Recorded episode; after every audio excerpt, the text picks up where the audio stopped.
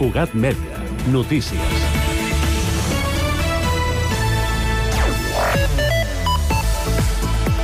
Bona tarda. El lloguer a Sant Cugat s'ha disparat en el tercer trimestre de 2023 i ha arribat als 1.499 euros al mes de mitjana, el que suposa un increment del 18% respecte al trimestre anterior i el preu mitjà més alt de la història al municipi. Segons les últimes dades, a partir de les fiances de lloguer dipositades a l'Incasol, es tracta de 229 euros més que en el segon trimestre i un 16% més que fa un any. Aquest increment consolida encara més Sant Cugat com una de les ciutats amb els lloguers més cars de Catalunya. Supera per molt les quatre capitals de província i les dues capitals del Vallès Occidental. A Barcelona la mitjana és de 1.171 euros al mes.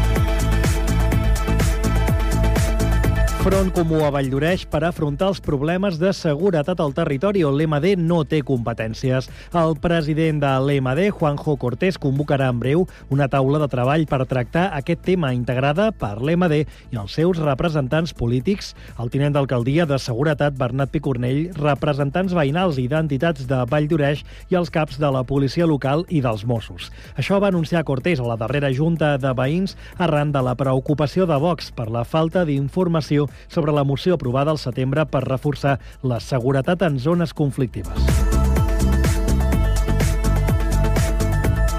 Cugat Mèdia ha elaborat un any més un calendari de sobretaula amb fotos de la ciutat. El mitjà públic ha anat rebent fotos durant l'any de persones que viuen, treballen o passegen per Sant Cugat i fan fotografies dels seus racons preferits. Les 12 fotos seleccionades pel calendari de 2024 són de Joan Soler, Ricard Duran, Maria Oms, Lourdes Pros, Maria Rouric, Ramon Pérez, Rita Medina, Marc Puig, Jofre Llombard, Susana Hernández, Marta Massaguer i Sergi Cotilles. Els calendaris ja es poden poden poder passar a buscar per les instal·lacions de Cugat Mèdia al carrer de la Plana de l'Hospital 1214. I si vols participar al calendari de 2025, envia les teves fotos a comunicació arroba cugat.cat indicant calendari 2025 a l'assumpte. Més de 1.000 inscrits a la tercera edició de la cursa del Gall del 31 de desembre, aquest diumenge, amb sortida i arribada a la plaça de la Vila de Sant Cugat. Les inscripcions escada encara estan obertes i es poden formalitzar a cursadelgall.cat o presencialment el dia de la mateixa cursa. La sortida i arribada és a les 5 de la tarda. Més informació a www.cugat.cat. Cugat Mèdia, la informació de referència a Sant Cugat.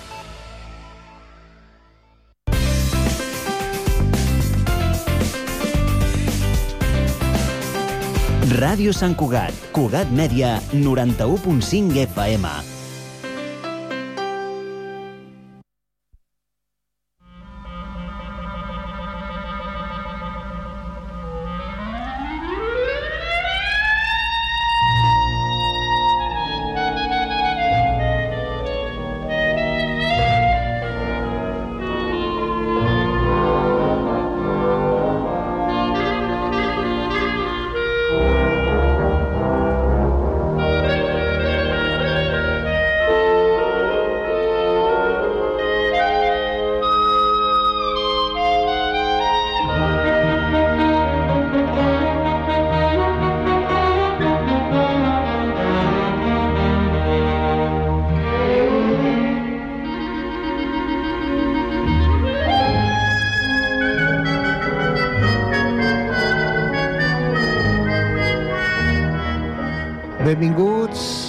Estimats parroquians i parroquianes, tortugos i tortugues.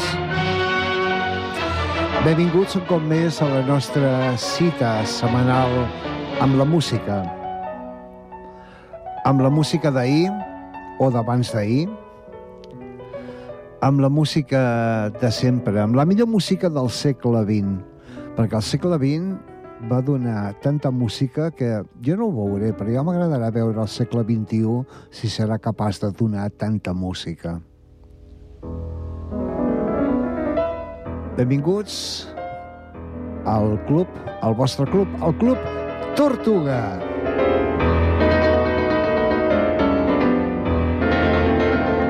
Avui hem canviat de sintonia, com heu pogut eh, veure, perquè fixeu-vos que eclèctics que som en el Club Tortuga, eclèctics, m'encanta aquesta paraula, eclèctics, que la setmana passada teníem aquí a Josep Camps i vam estar parlant de punk.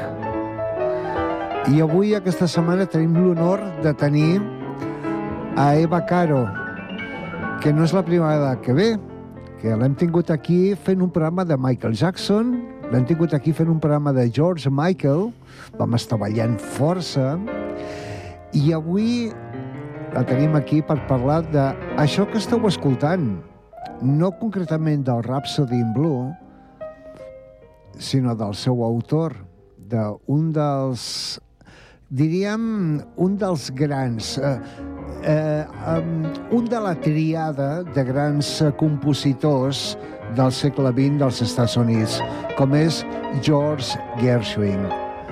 Eva, benvinguda a casa teva.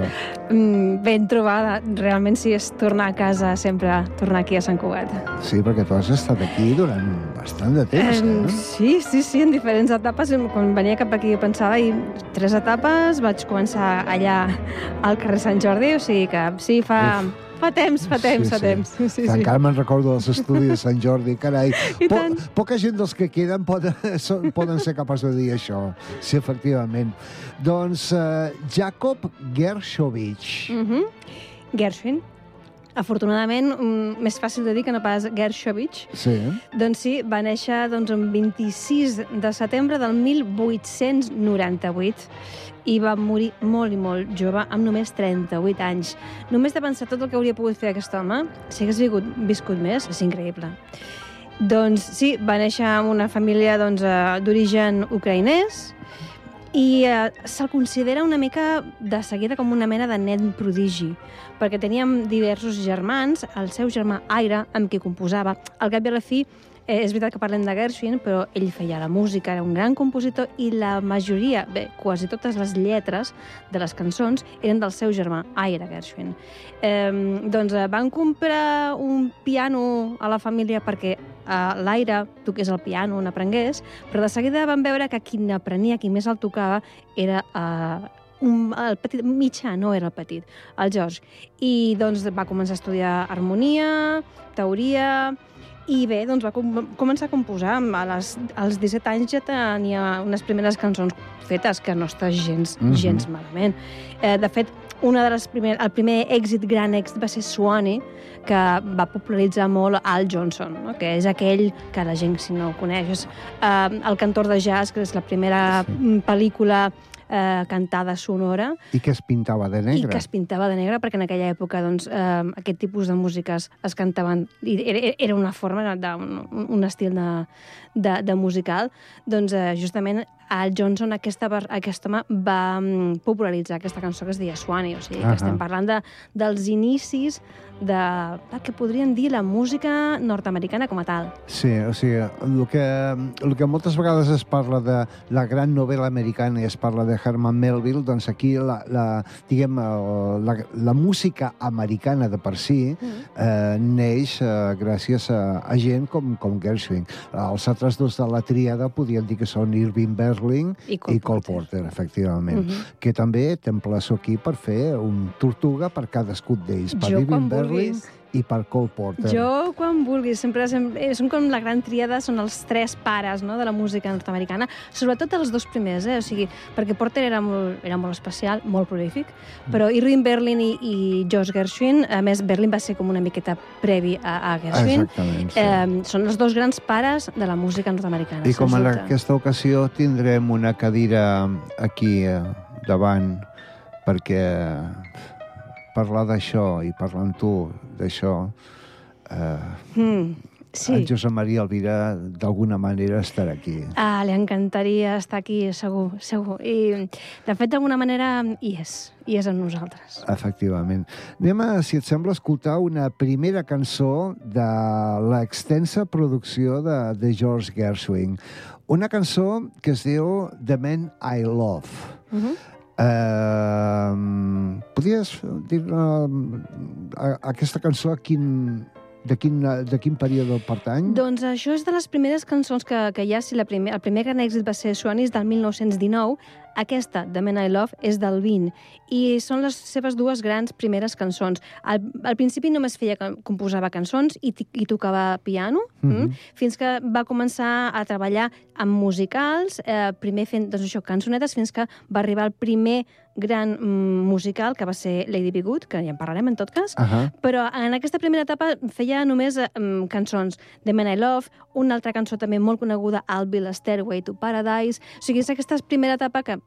inicis, que podríem dir, però que no està gens malament perquè aquesta cançó és preciosa. Uh -huh. eh, tothom segurament l'ha sentit eh, cantada per la, per la Billie Holiday, uh -huh. però, en fi, és una cançó que la canti qui la canti té un, un tempo, una cosa... Nosaltres aquí al Club Tortuga tenim sempre hem tingut la, la intenció que més que fer, diguem, arqueologia musical, o sigui, portar-vos gravacions en les quals se senten molt defectuosament, aviam, per lo que era l'època, ens tractem de buscar versions mm, fidels o curioses d'aquesta i gravades eh, molt més recentment, com és el cas de la pianista i cantant invident eh, Diane Shure, la cantant newyorkesa, que el 1992 va fer un àlbum de clàssics, de clàssics, de, i entre ells doncs, estava Cole Porter, Irving Berling, eh, Roger C. Hart, i també estava, evidentment, Gershwin. I interpreta aquest tema, The Man I Love. Amb vosaltres, Diane Shure.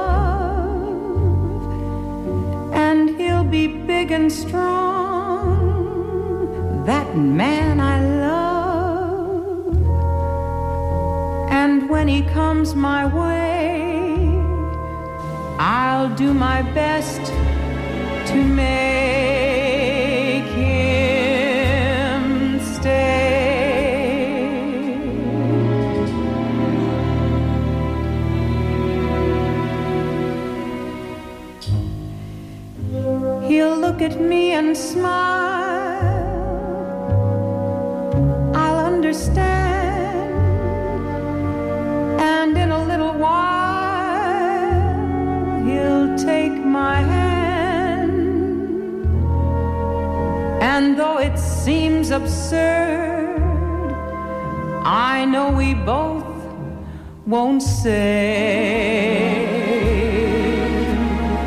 a word.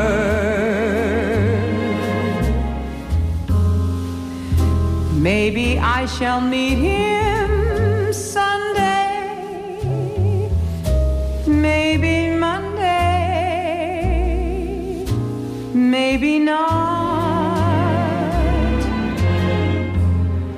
Still, I'm sure to meet him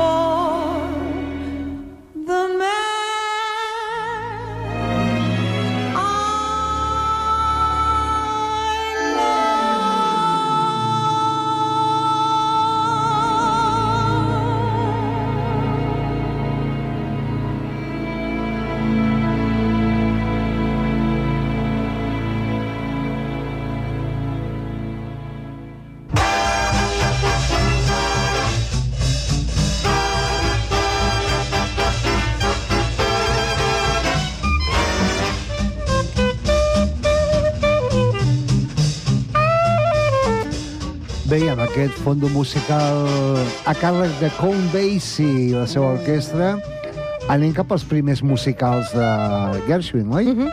Sí, correcte. El primer musical sencer que va fer va ser el 1919, l'Ala Lucille, però el primer que va tenir èxit i que van fer els dos germans, Gershwin, va ser Lady Be Good, el 1924. Dos germans eh, que eren els pares de la composició i dos germans que eren els intèrprets, Fred i Adele Astaire.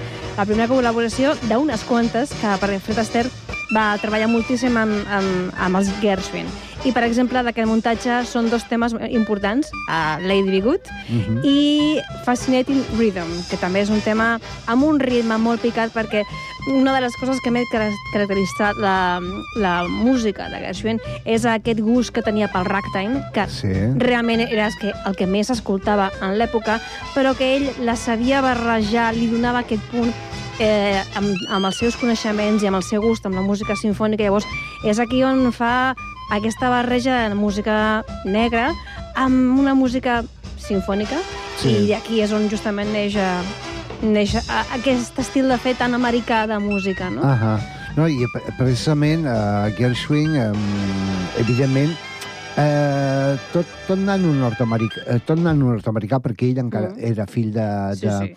Eh, de, de migrants eh, ucraïnesos, jueus que fugien de, dels programs de la Rússia zarista.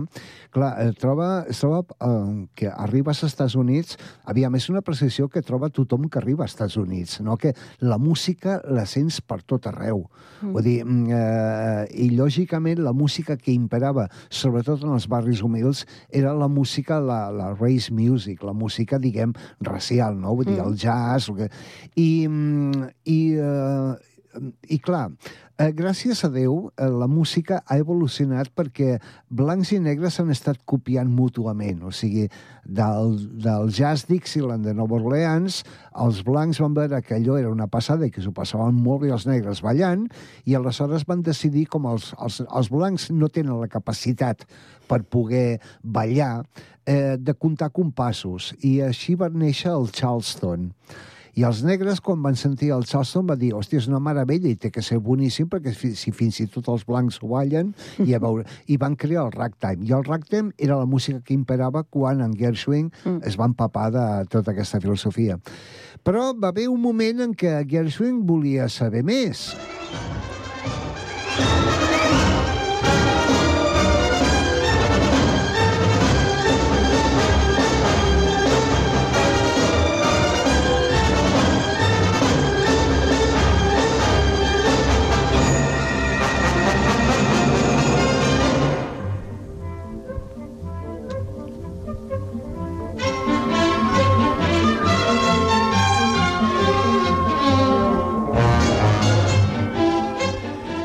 Ens trobem que a Gershwin, com un americano en París, se'n va anar a París a aprendre, Aprendre, aprendre música.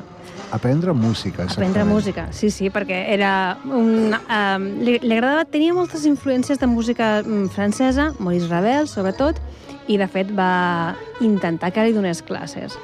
Però eh, l'anècdota diu que, en fi, que Ravel, que, bueno, un americà, la música jazz, sí, és interessant, però clar, però no sé... Saps què? És que vostè ja té prou...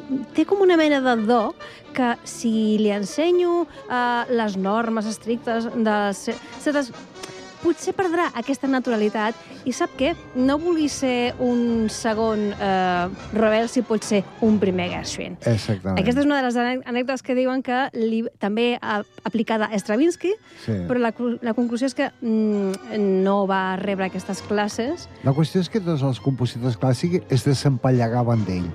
Sí, Sí, allò com ho haguem dit. Saps com tu estàs buscant, eh, estàs buscant feina, presentes currículums i et diuen eh, no, no le cogemos perquè està demasiado calificado. Pues el mateix, vull dir, no, escolti'm, eh, a veure, eh, que, que no sigui cas que s'assegui aquí i ens deixi unes quantes notes de jazz. Rim.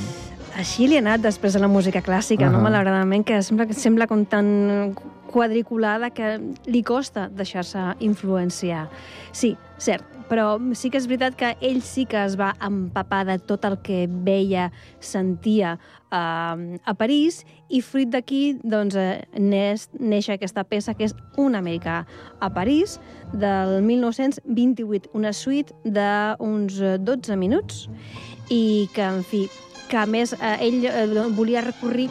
Eh, és una mena de repàs de les sensacions que un americà té doncs, en qualsevol eh, escena i en qualsevol carrer. I fins i tot sentim alguns claxons que ell, no sé com, però els va poder enregistrar, claxons de París, i que després apareixen en, en, en la seva obra, no? Sí, sí, sí.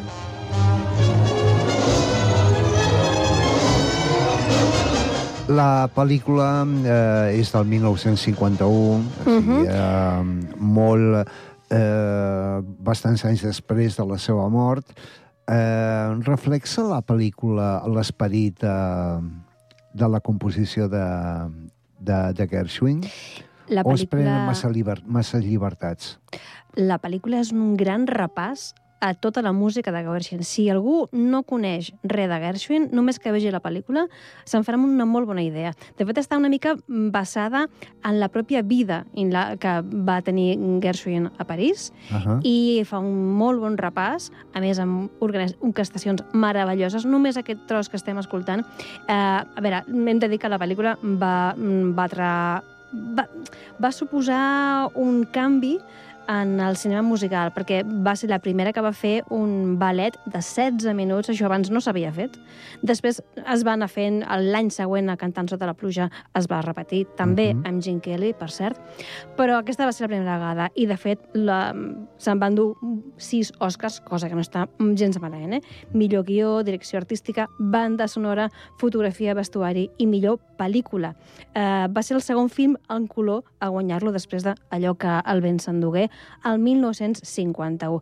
Realment és una pel·lícula que, a veure, el guió és molt senzillet, Chico conoce chica, s'enamoren, molt senzill, però està amb la direcció de Vincent Minelli, Gene Kelly, Leslie Caron, tota la escenografia, la coreografia és meravellosa i l'orquestració, la direcció musical de Johnny Green i Saul Chaplin és meravellosa, uh, amb Gershwin en su esplendor, que podríem dir. És molt i molt recomanable. Uh -huh.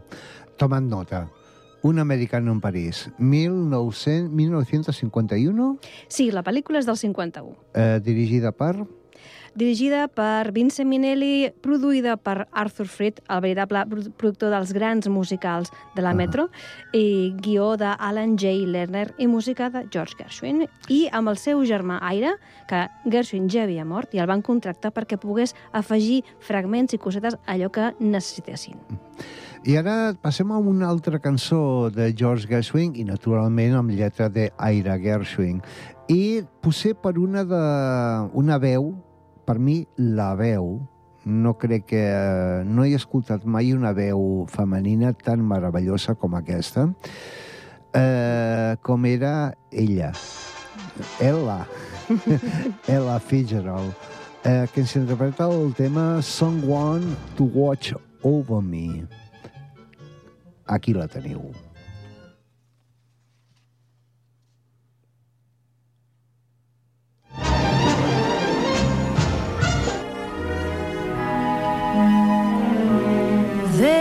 Saying old says that love is blind. Still, we're often told, Seek and ye shall find. So I'm going to seek a certain lad I've had in mind. looking everywhere, haven't found him yet. He's the big affair I cannot forget. Only man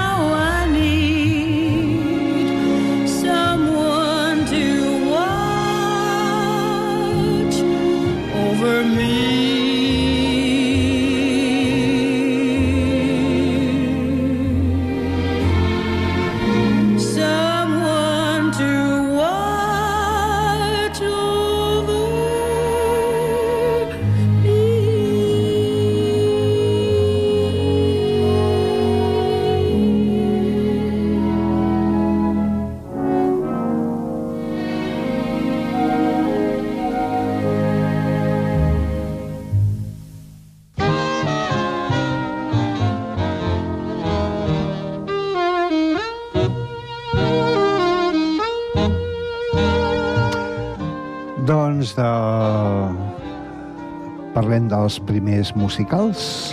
Sí, per exemple, aquest tema que hem escoltat, que per cert, aquest encara no saben els eh, autors del film com se'l van deixar fora, Someone to Watch Over Me, que és meravellós, com heu pogut escoltar, no surt a la pel·lícula Una Amèrica a París, però sí que pertany a, al segon musical d'èxit dels Gershwin, OK, del 1926, un musical dedicat a una amiga que va ser parella de George Gershwin, que es deia Kay Swift, i per això del OK.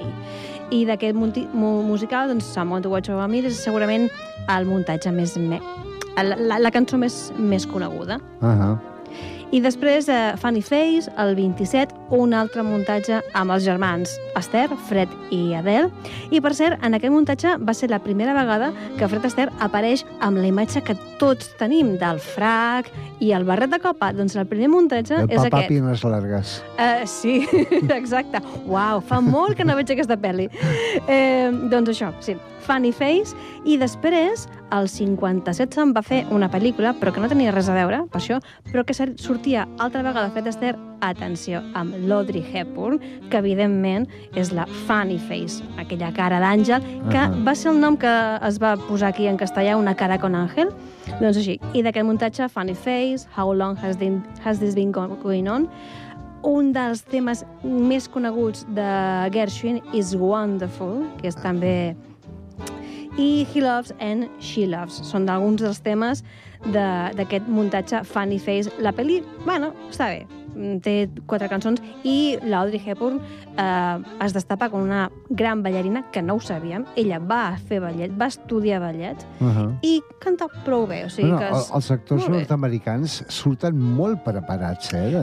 Bé, però ella no era nord- nord-americana, ella era No, era britànica. britànica. Més Però va- encara. però va estudiar, va estudiar ballet Uh -huh. i per, ser des, per això després, mm, quan veus My Fair Lady i ella no canta, i dius, però aquesta dona cantava, per què no canta? La van doblar. Però Ah. bé, però mm, realment molt bé i balla realment molt i molt bé.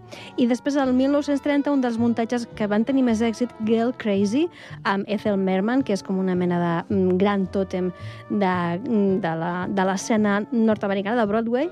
I en aquesta orquestra, per cert, va tocar Benny Goodman o Glenn Miller, que no està gens malament eh, com a intèrprets. Sí. De Girl Crazy, doncs, destaquem... Bueno, segurament és dels muntatges que tenen més cançons conegudes. I Got Rhythm, But Not For Me, Embraceable You i Biding My Time. O sigui, quatre, per exemple, que poden ser del top 10 de, dels temes de Gershwin. Doncs, si us sembla, ara podem escoltar el tema But Not For Me, interpretada pel com famoso trompetista, en aquest cas Blanco, uh, Chet Baker. But Not For Me, Chet Baker, aquí el teniu.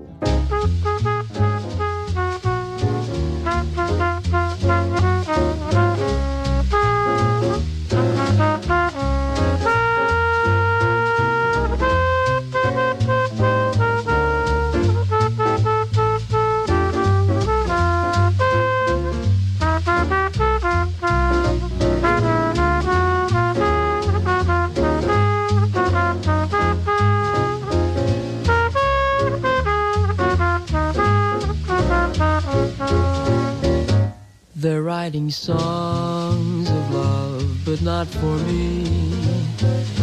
Oh, lucky stars above, but not for me. With love to lead the way, I've found more clouds of gray than any Russian play could guarantee.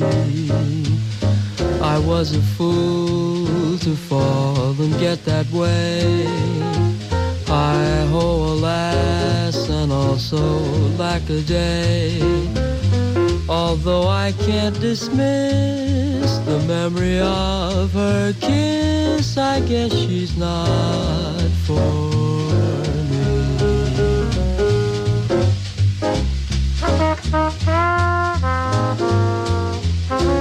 me.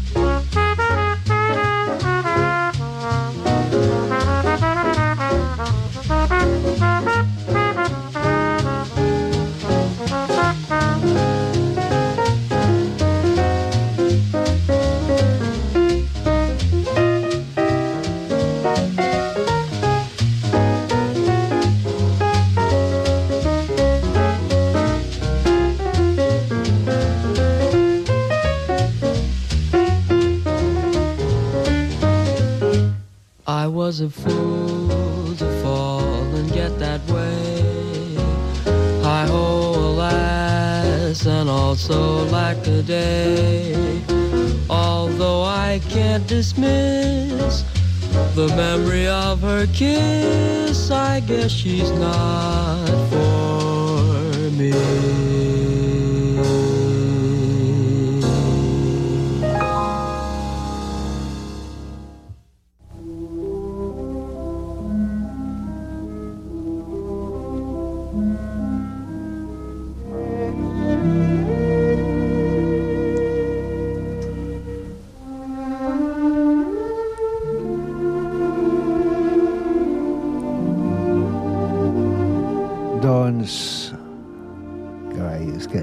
Jo, quan Costa sento... trepitjar quan aquesta música. Sí, sí, sí, sí. No, no, no, de veritat, és... és...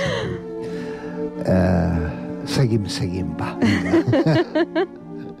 seguim. Uh, els següents musicals... Doncs Strike Up the Band, el 1930, i sobretot el 32, Of the Icing, és el primer musical a la història que va aconseguir el Premi Pulitzer, eh, amb un llibret de George S. Kaufman i Morrie Riskin, i és una obra totalment satírica sobre els polítics, i era una crítica que crítica a totes les institucions nord-americanes, totes, no se'n salvava ni una, el Congrés, la Cort Suprema, tota. I I estem parlant de l'any 32. 32. I els americans ho premien, que jo penso que és d'aquestes coses que aquí no passaria. Uh -huh. Sí, i és, un- diuen que és el musical més madur dels Gershwin i que va estar més temps en cartellera mentre George Gershwin va, va estar viu. Doncs eh, ja inclou temes com Who Cares, Love is Sweeping the Country i Of the I Sing. Però malauradament no tenim gravacions de... No, no hi ha gravacions d'aquesta... Només queda la, el tema que es diu igual, Of the I Sing, però no hi ha gravacions d'aquest muntatge, curiosament. Ostres. Sí, jo no he trobat ga- gravacions. Bueno, eh, suposo que tampoc les autoritats eh, estaven massa interessades en conservar-ho tot això. Curiós, curiós. No, no, no deixa de ser curiós. Sí, a, vegades, eh, a vegades ens fem preguntes, però les fem en veu baixa perquè no, possiblement no ens agradarien les respostes. Eh, Doncs sí, però és veritat que Gershwin va ser el primer muntatge musical a aconseguir un premi Pulitzer, que es diu Ràpid, i de fet va ser un home que va, va ser com primerenc eh, en moltes coses. Primer muntatge i primera òpera. I primera òpera.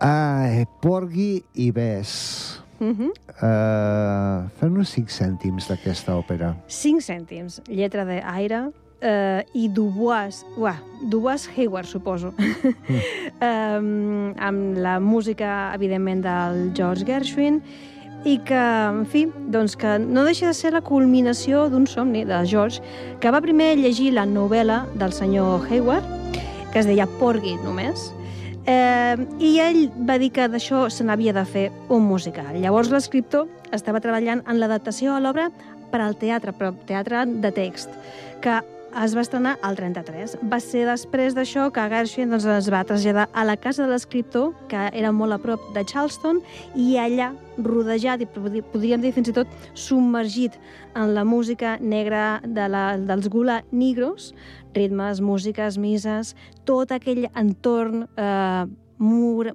purament negre va ser el que va acabar d'inspirar i segurament crear doncs, aquesta barreja d'òpera amb música sinfònica i amb aquesta arrel negra i a més amb, explicant història de, una història de negres. Sí, que només de sí. pensar com li, se li va passar pel cap amb ell, clar, això va crear com molta estupor eh, entre el públic.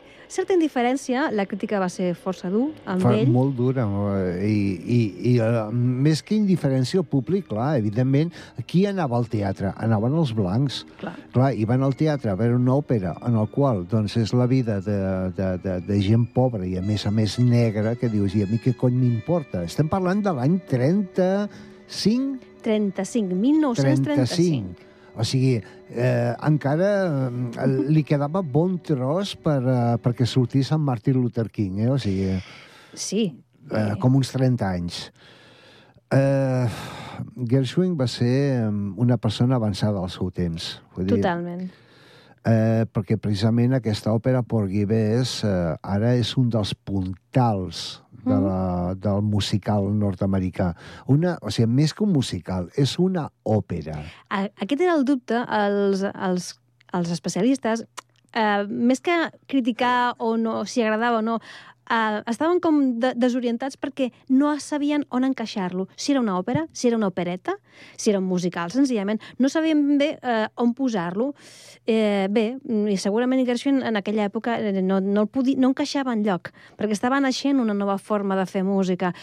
Se'l considera que és el pare de la música, no? I, en fi, eh, no ho he dit, però i aquí diu que mm, si Billy Wilder és Déu, per senyor Fernando Trueba, Sí. Gershwin, per mi, és Déu. O sigui, és el Déu de la música nord-americana, no? A partir d'aquí neix tot. Mm. I, I és cert, i és cert. Llavors, estava encetant una nova forma de fer música que finalment els americans l'han assumit com a pròpia i fins i tot la reivindiquen. I ara existeix el Premi Gershwin i Gershwin és com una mena de tòtem, però els hi va costar molt. Estic com us envejo els monoteistes, perquè jo sóc politeista, perquè no puc decantar-me cap a un déu. Eh, en fi, eh, eh, Eh, bueno, sí, per mi eh, no eh, tinc molts déus, però tinc un tòtem, que és la guitarra. I aleshores, eh, amb aquest tòtem, eh, anem a portar-vos una cançó de Porgy i Bess. Naturalment estem parlant de l'ària, Uh -huh. de l'ària, Ària, que molts diuen que és una nana, de fet. és una nana, efectivament, però que en, el seu origen és un blues de 4x4, que és uh, Summertime, i eh, a càrrec d'un guitarrista magnífic. Leslie West, no us dirà gaire aquest nom, va muntar a, a finals dels 60 un grup que es deia Mountain, amb Félix Papalardi i Corky Lane, però que va coincidir amb el temps amb el amb Cream de- d'Eric Clapton i, clar, les uh, comparacions són odioses, no? Però Leslie West ha estat un dels grans guitarristes de blues. I aquí teniu, atenció, seieu, eh, tanqueu els ulls i gaudiu d'aquesta preciositat com és Summertime a càrrec de Leslie West.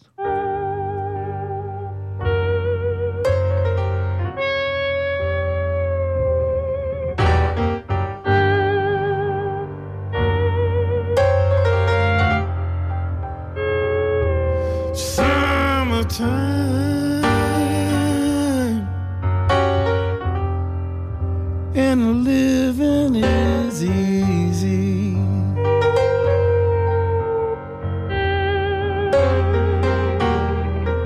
Fish are jumping and the cotton is high.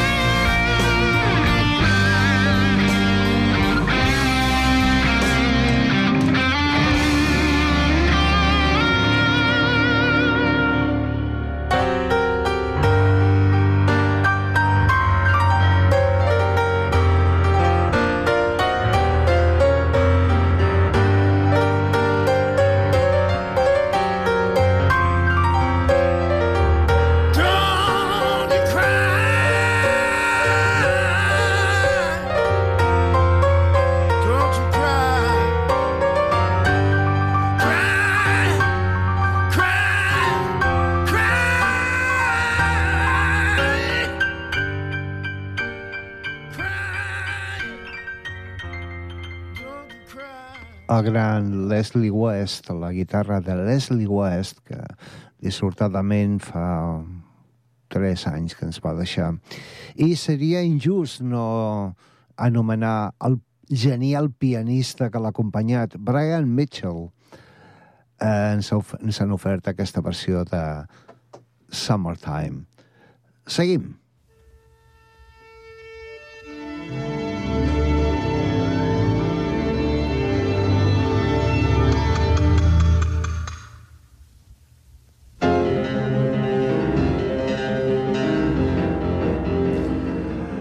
Perquè Gershwin, a part de fer musicals, eh, es va atrevir a fer peces eh, de caire clàssic. Total. Eh, per això, de fet, el seu estil era tan sinfònic i tan barrejat amb el jazz que, que sí, i doncs Una Amèrica a París era una obra sinfònica, el, amb el que hem obert Rhapsody in Blue també era sinfònic, un encàrrec de Paul Whitman, per cert, i doncs eh, aquest, aquest, aquesta peça que escoltem és del 25, és el concert, concert infà per a piano. Eh, una peça doncs, que té un molt bon ritme, com es pot escoltar de fons, Uh eh, que després si penses també aquest ritme tan pam, pam, pam, està una mica París, és a dir, eh, realment composava amb molt, molt, molt, molt ritme, que suposo que d'aquí també per les influències eh, nord-americanes. I per, per Guion Bess doncs, va ser un fracàs econòmicament, i després d'aquest fracàs van dir els Gershwin anem a Hollywood, i havien anat abans, uh -huh. però no van tenir massa èxit, i al 36 van a Hollywood i llavors sí que triomfan, amb el, un dels muntatges amb una de les pel·lícules més, eh, més conegudes de Fred Astaire i Ginger Roger, Shall We Dance, que aquí es va traduir com a Ritmo Loco, Ahà. Ritme Boig, que seria en Sí. català, no? Una pel·lícula dirigida per Mark Sandrich eh, i que va crear tota una banda sonora perquè la idea és que Fred Astaire interpreta un ballarí clàssic que s'enamora d'una ballarina de revista. Llavors, aquesta barreja de música sinfònica o de ballet i música doncs, eh, nord-americana mm, va entusiasmar a Gershwin, va fer tota una banda sonora meravellosa eh, en diferents estils, vals, quickstep, ballet, de tot. I d'aquesta pel·lícula doncs, tenim uh, They Can Take That Away From Me, que va ser nominada als Oscars, de Let's Call the Whole Thing Off, que els uh, aficionats potser coneixen millor com a You Say Potato. Es, busqueu-la, si us plau. La lletra és boníssima perquè eh, Ira Gershwin fa una mena de homenatge i juga amb l'accent britànic i l'accent nord-americà. Shall We Dance, They All Love... La veritat és que hi ha unes quantes peces eh, molt importants en aquest musical, en aquesta pel·lícula que, que està bé, és una d'aquestes pel·lícules que es poden veure i hi ha posats. El Let's Call the Whole Thing Off no la podeu deixar de veure perquè és Fred Astaire i Ginger Roger ballant claquer sobre patins. Només deixo això. Oh, mare. Imagina, busqueu-la per internet perquè hi és. I és brutal. mare de Déu. Ara que has dit això d'un ballarí clàssic que s'enamora d'una ballarina de revista, potser seria una mica el que ell quan va arribar a París, no? Jo, compositor de jazz, vull dir, que m'enamora de la música clàssica, però Mhm. que em trobo, pro mm, trobo problemes per poder compaginar les dues coses, o ells troben problemes per poder No, compaginar. ell ho fusionava tot. El problema Clar, era la gent que volia encasellar. Ell ho Ah, ja fusionava està. tot, sense cap mena de problema. I tant. Doncs eh, anem a escoltar eh, el tema They Can't Take That Away For Me. Eh, una versió curiosa eh, a càrrec de Robbie Williams i l'actor Rupert Everett. Eh? Aquí la teniu. They Can't Take That Away For Me.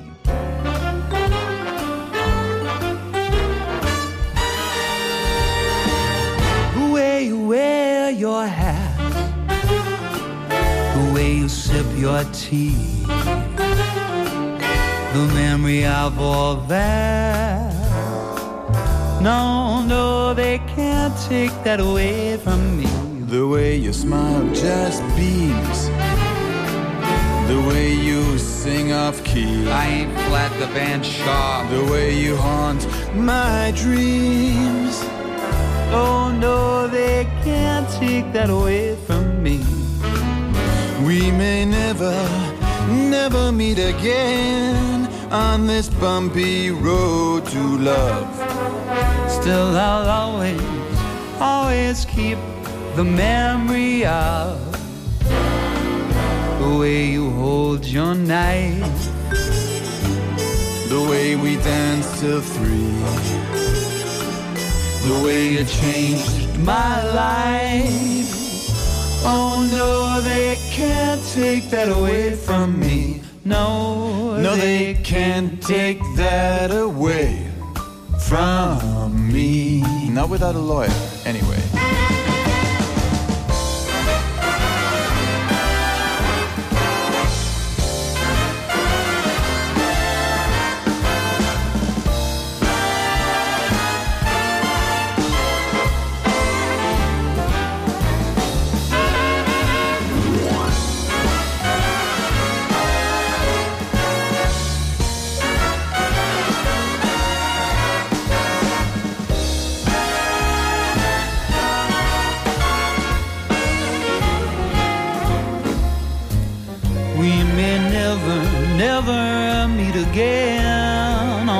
Bumpy road to love. Still, I'll always, always keep the memory of The way you hold your knife, the way we danced till three. the way you changed my life. Oh no, they can't take that away from me. No, they can't take that away. No, they won't take that away. Can't take that away. Can't take that away. Won't take that away. Won't take that away. Can't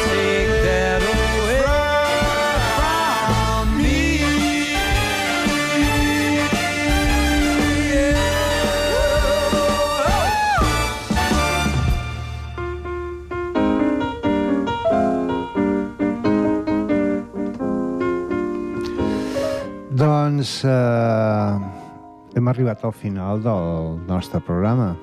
Eva, les darreres pinzellades d'aquest genial compositor. Doncs que el que he dit al principi, llàstima que va morir molt jove el 1937 d'un tumor cerebral, que ell tenia mal de cap molt sovint, molt sovint els metges no li feien massa cas perquè era una mica hipocondríac i quan ho van detectar doncs ja era massa tard i va morir doncs, eh, deixant una obra inacabada. Va fer eh, The Golden Follies, eh, en fi, un muntatge que estava a mitges, però que té dues cançons que han quedat I Was Doing All Right i, sobretot, Our Love is Here to Stay, una peça que, per cert, al muntatge eh, a la pel·lícula doncs, eh, és la balada que balla Gene Kelly i Leslie Caron al costat del Sena i que després Woody Allen va parodiar en el seu mm, Todos dicen I love you, eh, ballant amb la Goldie Hawn. Eh, meravellosa, totes dues versions en clau molt diferent. Però és una peça meravellosa i llàstima que aquest home va morir molt jove perquè imagina't que hagués viscut doncs, com el seu germà. El seu germà, si no m'equivoco, va arribar quasi als 90 anys. O sigui que, déu-n'hi-do. Però Gershwin va marxar massa d'hora. Sí, de vegades, eh, a vegades ens preguntem, eh, una sèrie de persones que s'han deixat abans de temps, Janis Joplin, Jimi Hendrix, eh, que, què haguessin arribat a fer. Però sempre ens queda allò de dir, però la quantitat de música que ens ha deixat Mm. Meravellosa. Diguem, més, val, eh, més val allò de dir, mira, dissortadament s'ha trencat massa d'hora que no veure alguns músics com han acabat amb decadència, no? Cert. Eh, Eva, un plaer tenir-te aquí i repeteixo, repeteixo per la propera temporada Cole Porter i Irving Berlin. Encantadíssima. Sempre que vulguis jo vindré, segur. Perfecte. Gràcies. Doncs us deixem aquí amb aquesta cançó, Our Love is Here to Stay, en versió de, atenció, Eric Clapton. Mil gràcies. Pep Alia, com sempre, un plaer, un immens plaer d'haver compartit un trosset de cap de setmana amb vosaltres i us esperem aquí, dissabte vinent. Mil gràcies per la vostra companyia. Adéu-siau. It's